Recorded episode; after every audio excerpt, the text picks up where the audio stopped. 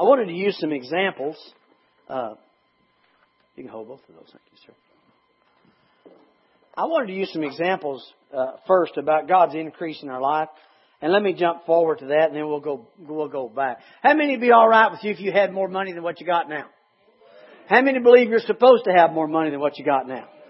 All right. See, God made it plain, very plain from the very first, because we're living in the covenant of grace, the same covenant that Abraham made with God. All right. Simply depending on the grace of God. Well, God's grace is Jesus. I said God's grace is Jesus. God doesn't just have grace. I know it's scattered all through the world, but Jesus is grace, okay? The law was given by Moses, but grace and truth came by Jesus Christ. Okay? So as we start looking at what the Lord is, is doing for us, He has planned on us not being the wicked wealthy, but being the righteous wealthy. Amen.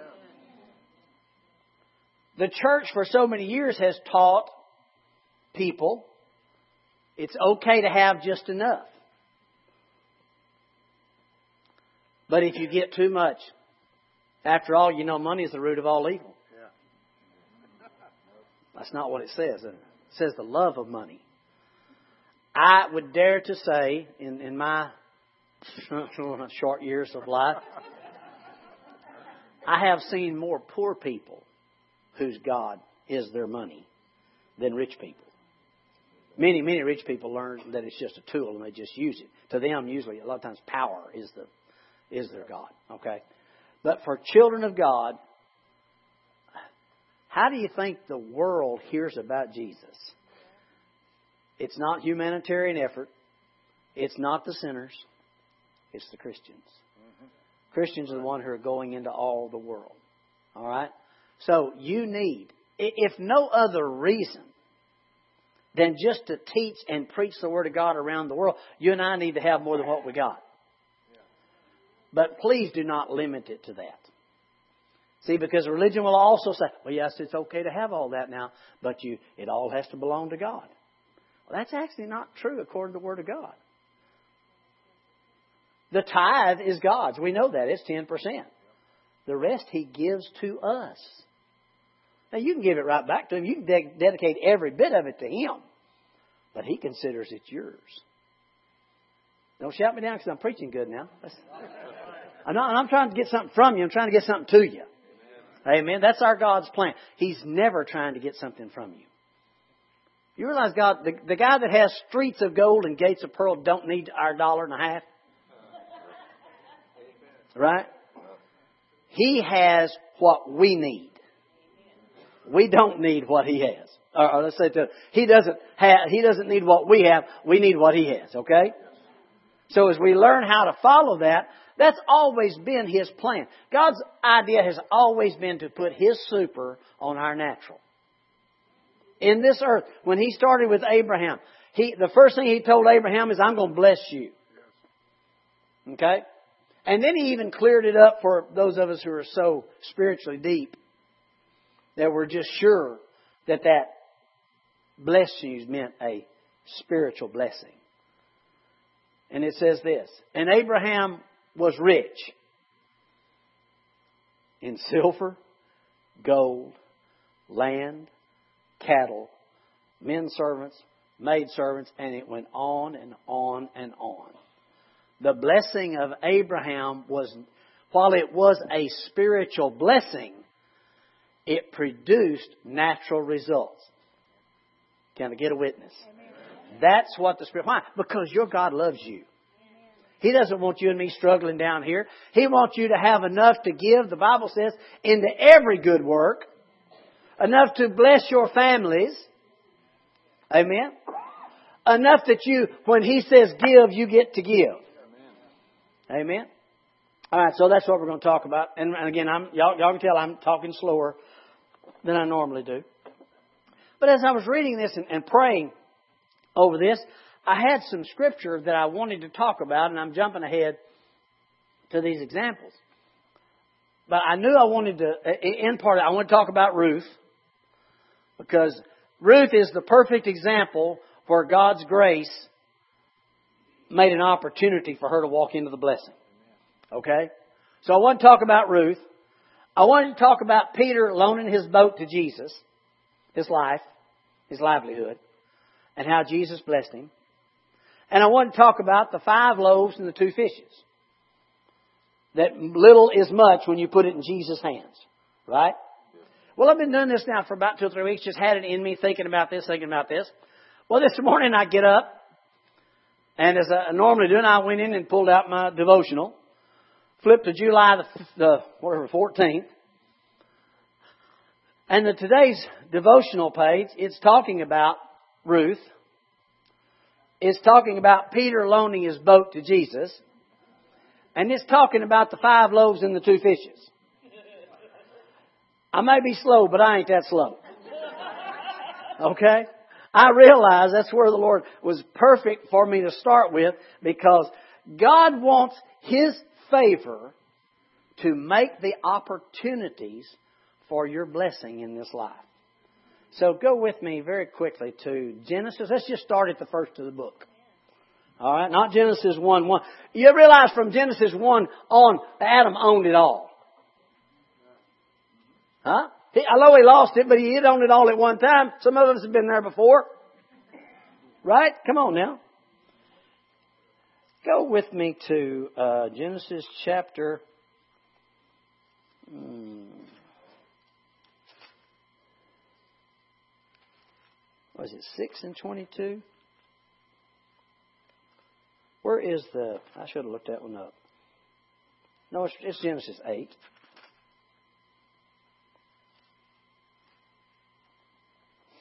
Genesis 8 and 22.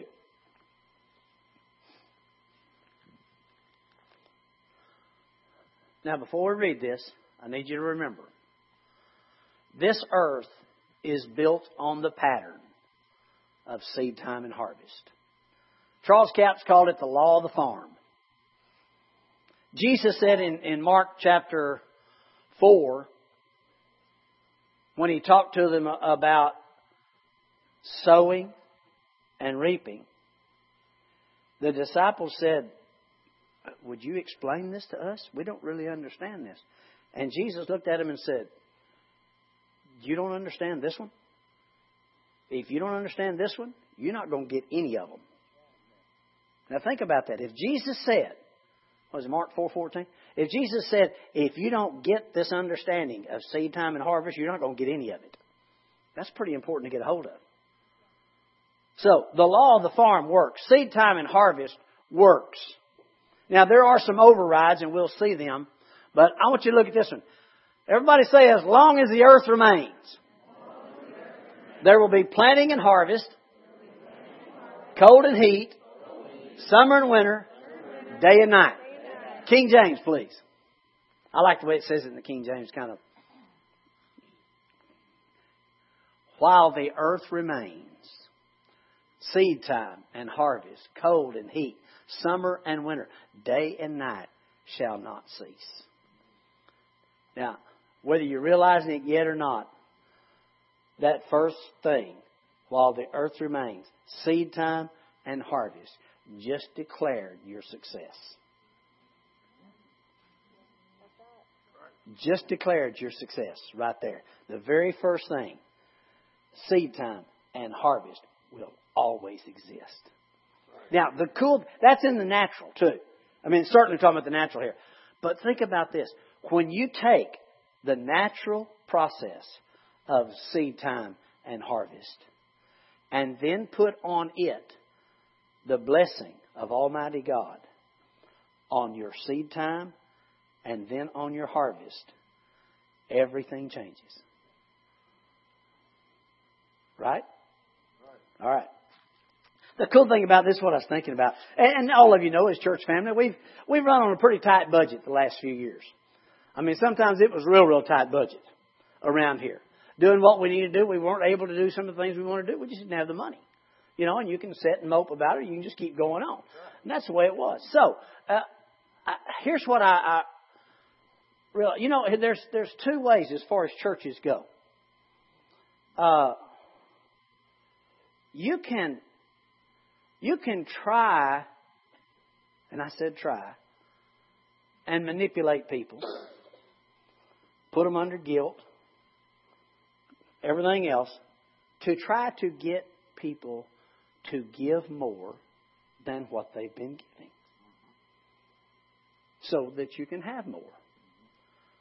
Actually, there's a better way.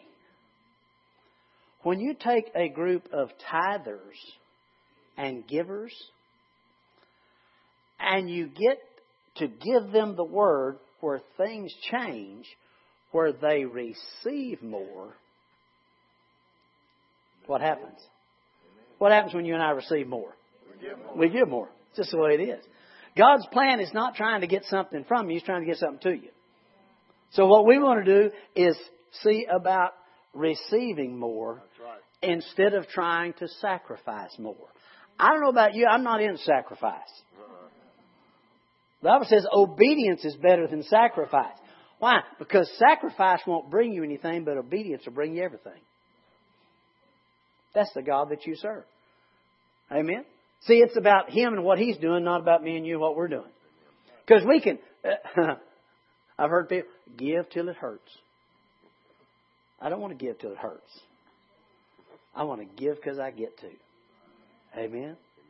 Well, that's our God's plan. And it is from page one to page last. That's how He operates. His blessing. The blessing of the Lord is on the head of the righteous. Everybody say, That's me. You're not righteous because you made you that. He, you're righteous because He made you that. Right? Okay. See how slow I'm going? Aren't y'all proud of me? I'm just chilled out here and just going slow. I mean, I hadn't even given you my last point. Like I always do. I get so excited I give you the end, you know, and stuff like that. But anyway, while the earth remains, seed time and harvest. Well, we put it down. Day and night, cold and winter, shall not end. All right, now. Look with me in Genesis chapter 13. So it's okay with you if you end up with more money. Okay. Now, we understand, most of the time when the Bible talks about money, it will refer to it, uh, you know, as, as filthy lucre and, and that type thing. But we're smart enough to know how to change that. Money will not ruin us. You just be a bigger blessing than you are already. Amen. Just get to reach more people. That's just the way it is. It just, you know.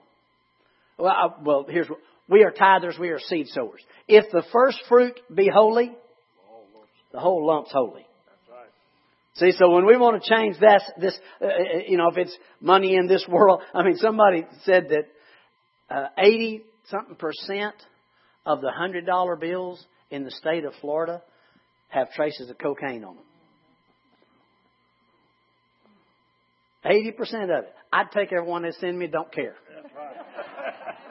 I'm not going to be raking the cocaine. No, no. I'm blessing it. Why? Because it's a tool. Money is something I can do something with. Lives can be changed. I grew up in the Pentecostal church. See, all we ever had was pennies. Because we were Pentecostal. And most of us, we thought, we thought money was evil and poverty was holiness and we was trying to be holy. Well, that's, you know, that's all generation after generation after generation been taught that. Except that's not scriptural. Have you found Genesis, was Genesis 12 yet? Or Genesis, where did I tell you go? Genesis 13? Genesis 13, 2. Abraham was very rich in livestock, silver, and gold. Look at Genesis 24.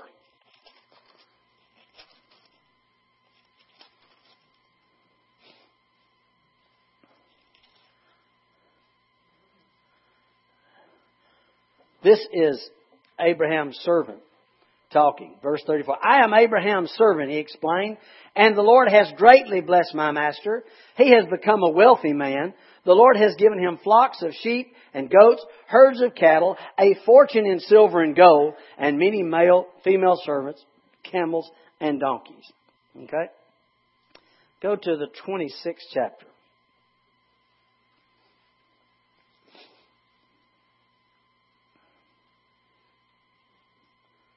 Look at verse 1. A severe famine now struck the land as had happened uh, before in Abraham's time. So Isaac moved to Gerar where Abimelech, king of the Philistines, lived. Now, flip over to verse 12. I believe, uh, I believe we could, we could call a lot of the situations out in our world a famine. Okay? Now, the reason there's a famine is simply because the money is in the hands of the wrong people. Remember, God prepared Egypt through Joseph for those seven years of famine, and He provided them enough to be a blessing to everybody. And they had all the wealth uh, of the, of the country because of God's plan. So I understand there is a famine in the land out there. We'll talk a little bit about that in a minute. But look, in verse 12, when Isaac planted his crops that year, that's in a famine. He harvested a hundred times more grain than he planted, for the Lord blessed him. He became a very rich man, and his wealth continued to grow. He acquired so many flocks of sheep and goats and herds of cattle, the servants at the Philistines became jealous of him. So the Philistines filled up Isaac's wells with dirt. Their wells had been dug by the servants of his father Abraham. Finally, Abimelech ordered Isaac to leave the country. Now wait a minute. If this man was, was wealthy in, in herds and his wells get filled up with water, he's in trouble. You, you can't, you can't, can't water your animals. But through that whole explanation there, it did not matter what took place. God still blessed him. Didn't matter. God still blessed the man. And he just kept going. Now, verse 19 Isaac's servants dug into the Gerar Valley, discovered a well of fresh water.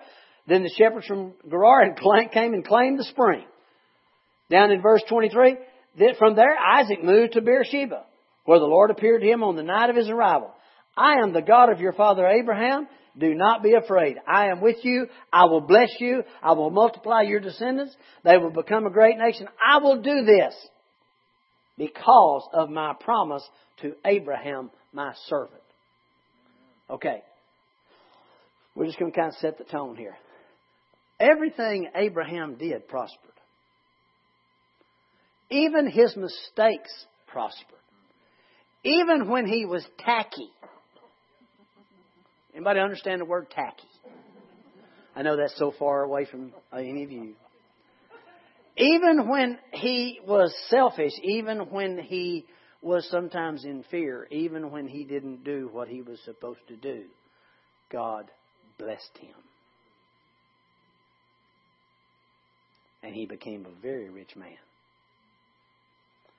And it says right there, when he told Isaac, and he told Jacob the same thing I'm going to bless you because of Abraham.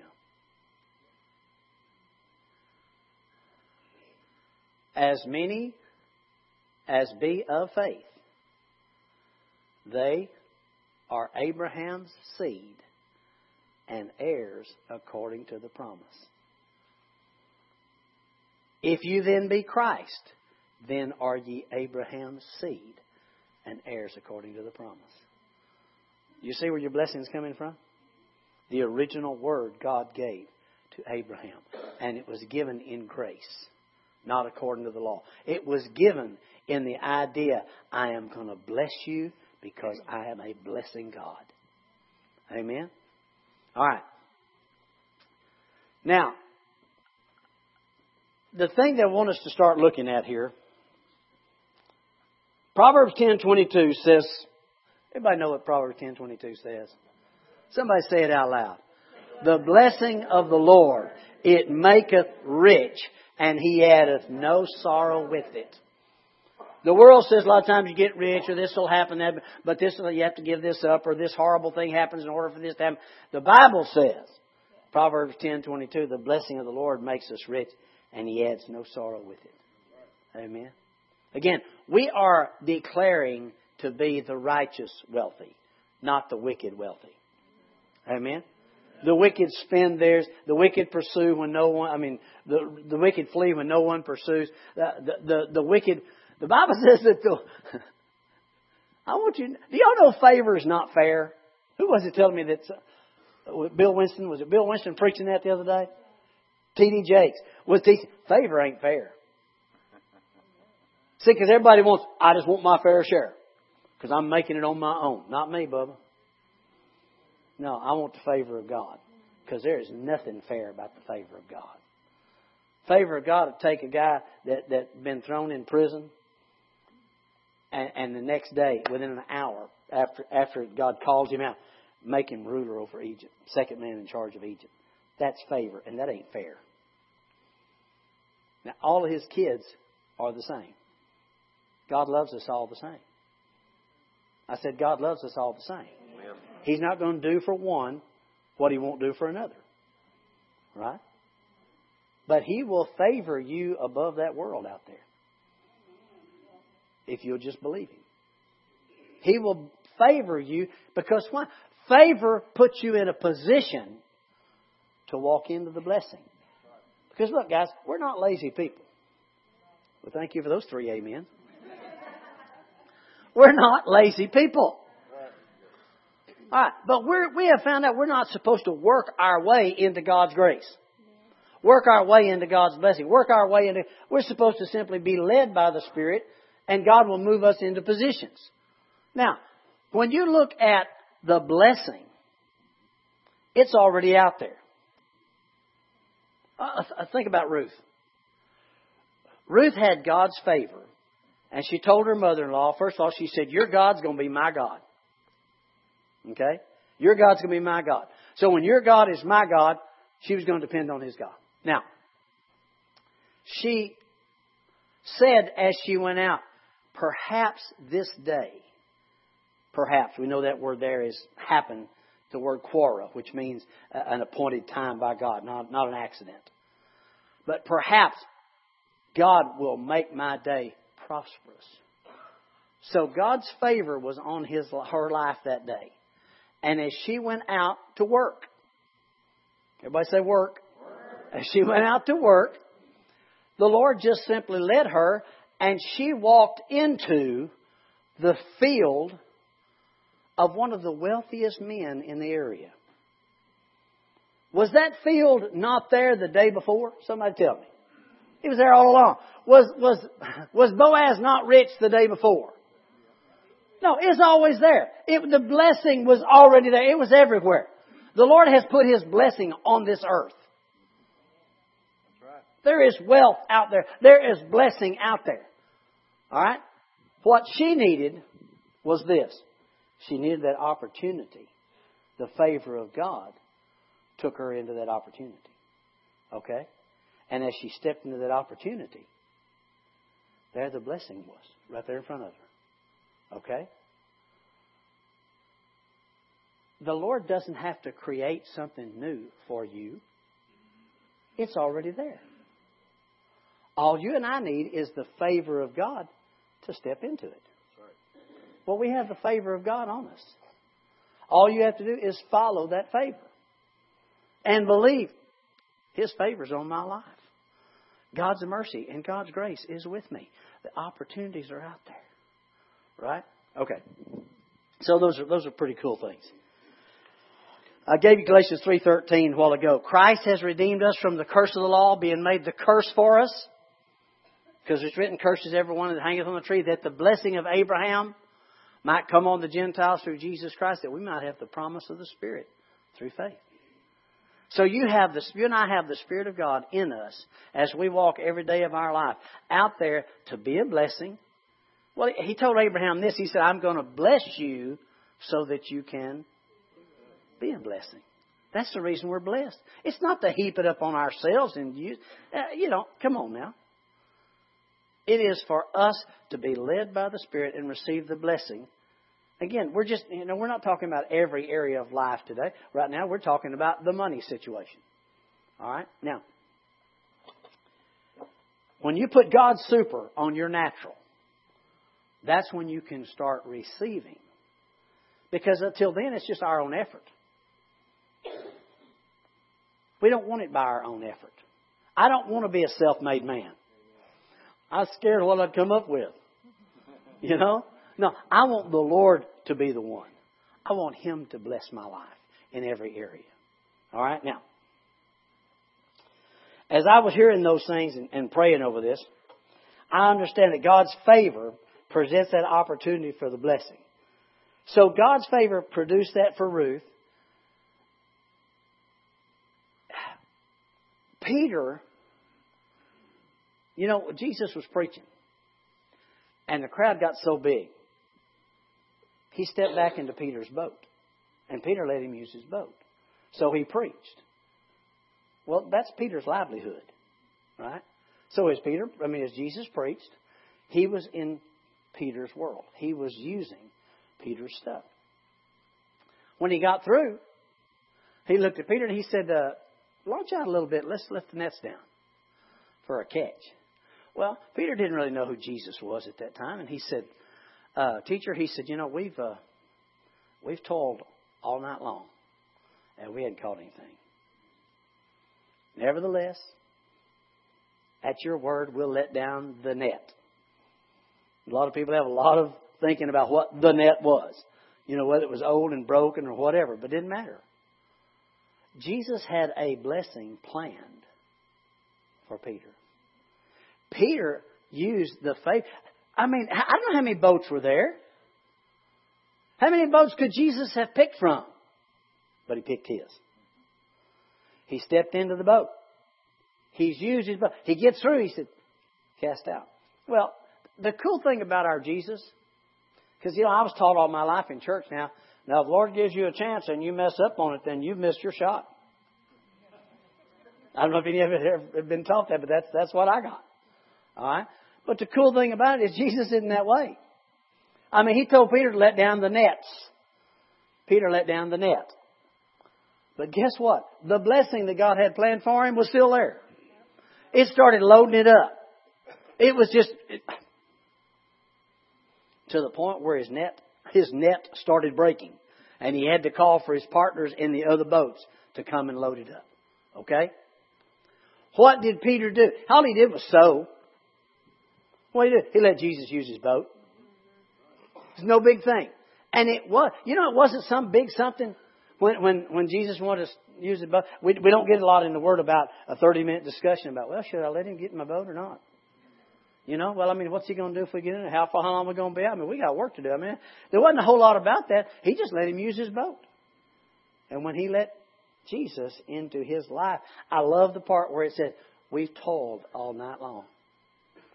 I don't know about you, but in my life and in my business life, there's been a lot of toiling.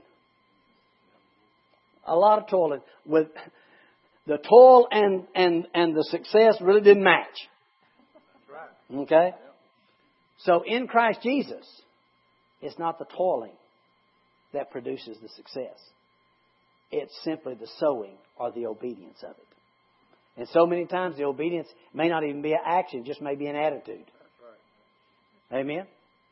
Okay. Now again, y'all know how see how slow I'm going? I'm just doing so good. I'm just mm. All right. Oh, oh, let's let's do this and go to uh, let's go to the five loaves and two fishes in uh, John chapter six.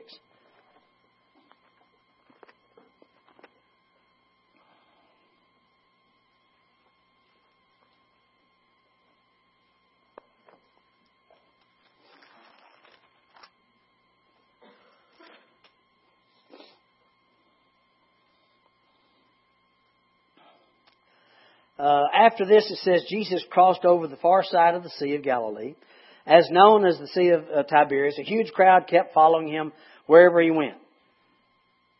And because he followed him went because he saw the miraculous signs, he healed the sick. Then Jesus climbed a hill. He sat down with his disciples around him till it was nearly time for the Jewish Passover celebration. Well, Jesus soon saw a huge crowd of people coming to look for him. Turning to Philip, he said, Where can we buy bread to feed all these people? And he was testing Philip, for he already knew what he was going to do. Well, Philip replied, Well, even if we worked for months, we wouldn't have enough money to feed them. That's actually not what it says. I think King James does a better job on this one. Uh, pull that up for me in the King James, would you?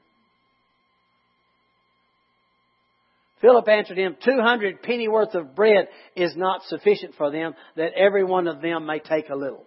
Actually, the Greek doesn't say anything about, uh, we'd have to work this much, we'd have to work this much, we'd have to work this much. It never says that. It just simply says it'd take this much money's worth of food to feed these people. And you know, we've talked about this before. If we had 17, 20,000 people sitting around here and we decided to feed them, okay? Now you got to remember there weren't there, there wasn't too many Walmarts back then. All right? And the town might have been, you know, I don't know how many people in the town. But, you know, could you run to Caddo and get enough food to feed 20,000 people? No matter how much money you had? No. So it wasn't about the money, it was about the availability of the food. All right? Now here came one of the disciples, and he said, You know, I love this way. We have five loaves and two fishes. But what are they among so many? What are they among so many? How many times in your life, in my life, have the five loaves and the two fish all we had, and there were more than 20,000 situations and needs and problems and stuff like that out there that we knew the five loaves and two fishes weren't going to be much. All right? Now, this is one place I missed it in my life. One of the very few you understand. And that little term that people always say little is much when you put it in Jesus' hands. He didn't need but five loaves and two fish. That's all he needed to feed the whole bunch. No matter where you start, despise not the day of small beginnings. You don't have to have a whole bunch to start moving toward the promise of God. You don't have to have a lot to start moving toward the blessing that's on your life when you simply obey. I mean, they didn't chunk that away. They went ahead and used it. Because when you put that little, remember, the lady that was, uh, Jesus was sitting by the treasure and he was watching people putting money in? And it said, and some people were putting in great sums, some of the wealthy people. And Jesus was sitting there watching. I mean, people wouldn't like it if you watched how much money they put in the offering plate. But Jesus didn't care. He was sitting there watching. And this little lady came up with two mites and she put them in. And he told the disciples, he said, She's given more than all of them. Why? Because she didn't give out of just a surplus, she gave out, out of a need. Mm-hmm. See, please, please never let your mind come to the place where you think what you're giving is nothing. Because that's a lie of the devil. God counts little as much when it's given to Him. There was a time in my life that, that well, I'll maybe get to that next week. Be, because of that mentality, I almost I almost lost that spirit of giving that I have. I love to give because I didn't have much to give, and I thought my little didn't mean much. But you got to understand, the less you have, the more more precious it is. So the increase. But here's the cool thing about it. I'm going to have to stop because we're going to run out of time till next week. I want you to stay with me on this because, guys, it's time. It's time for you and me to walk into more financial blessing than we've ever seen. And we are the people of God. You are the ones that can handle it. Money is not going to ruin you. You're going to be able to use it to bless your family, to bless the people around you, to do all those things. Because God's blessing is on your life. And His favor is producing those opportunities. Amen? And all you have to do is just simply learn to sow. I, will give you a, a little. I, I, was praying over this. This few. I prayed over this a lot, but a few weeks ago, the Lord and I were, we were talking about well, I don't know how to say this without, I don't like revealing things, but the Lord doesn't let me keep secrets. It just, you know, I get to preaching, it just comes out. Uh, I was talking to him about that time where I had felt like that what I was giving was nothing. And I miss the days when I could be a really, really big giver. And I love doing that. That I just I love that. And uh, so he he said to my heart, he said, "Well, all that money that you had, where did you? How did you?" He said, "How did you get it?" And I said, "Well, I got it from you." He said, "I said, how did you get it?" I said, "Oh, sowing and reaping." He said, and you didn't start big. I'd forgotten I didn't start big. I'd forgotten that I didn't have a whole bunch to start with. I'd forgotten that I had hardly anything. And he said, the same process that I used to bring you what you had and lost is the same process I'll use to restore it again. You start small and you start in obedience. You do not give what you don't have. Right? The, the, the, the, man at the, at the beautiful gate looked at Peter and John asking alms, and they said, Silver and gold we don't have, but what we have we'll give to you. So we don't give what we don't have. We don't write faith checks. Yeah, that's right. Yeah. We don't spend the rent. It's out of our abundance. We get to start. And you can find seed. It, I tell you what, I, the other day I, I, I realized that I had some seed. And that's what the Lord was talking to me about. I said, uh, Really, Lord, I need. He said, You got seed. And I realized I'd had seed. And I realized one seed that I had, I'd had for five years and knew it wasn't mine all along. Five years. Hadn't been trying to keep that seed. I just knew it was, was, was somebody else. It's miracles. I didn't know it was his till just, uh, just a few days ago. But I really didn't have seed. But he, he supplies seed for sowing and bread for eating. See? We're the people, that little song, we're the people of God called by His name. Right? So follow His direction in giving. Don't give what you don't have. Don't give in sacrifice. Now, there's a difference between intentional giving and sacrificial giving. You can intend. You can say, "No, wait a minute.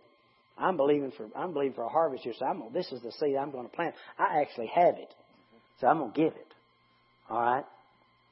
Sacrificial giving a lot of times comes from I don't have it, but I'm going to give it anyway. And I've heard preachers tell people, go ahead and do that, and God will honor it. I understand God honors it, but you're wanting to put a blessing on something natural that God's got to put His blessing on, and it might come back right away. So if you got to pay your rent on the first, I wouldn't give my rent. I don't think the Lord tell you to give your rent. I do know it's a personal thing, but I do know this: He has a an individual way of bringing you great increase. Sometimes you. Let me give you one of Jesse's stories. Jesse told me this years ago. I heard him preach it this time. Jesse Duplantis.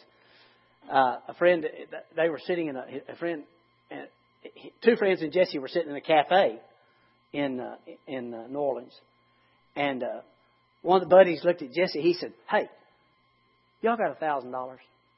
And Jesse said, "Well, yeah, I got a thousand on me, I think." He said, "I found out that there is a half acre condemned block right here, right down this street, in in, in the other end there." And he said, "It's three thousand bucks." He said, "Let's buy the thing." And Jesse said, "Why do I want to buy a condemned?" Jesse said this. I didn't pray about it. I just said no. Got a thousand dollars in my pocket? No, I don't want to do it. Not going to do it. The other friend said, No, not going to do it either. The guy said, Well, I'm going to buy them anyway. I just feel like I ought to. Jesse said it was less than a year and a half that the city of New Orleans had condemned it, but they were building a new bridge across there. They paid the guy a little over three million dollars for that half acre. and uh, Jesse, well, you know Jesse. No, not the only time the Lord blessed him. Yeah, just because he missed that doesn't mean he didn't get another one. Don't think you only have one opportunity, one chance. No, seed time and harvest. What did Genesis eight and twenty two say? As as long as the earth remains, as long as the earth remains, seed time and harvest. So if the Lord gives you something to sow, you sow it. Now, I'm, I'm a firm believer. I'm like Joseph Prince. I believe the tithe goes to the church and my offerings go in, in other places, all right? But you need to be God directed in your giving. Don't give because you. If you think I'm trying to talk you out of your money, please don't give today. Please. I, we don't, man. We don't want any money that that made somebody feel. Well, I need to give. No. Seed time and harvest. Study these scriptures out and find out how your God has put His blessing on your life. And know, like, like Isaac, I can sow in famine and reap a hundredfold in the same year. Right. Why? Because I'm so smart? No, because God's blessings on my life. And I get to do these things. All right? I tell you, we're running a little late. Guys, let's prepare to receive this morning's tithe and offering. I deliberately waited to the end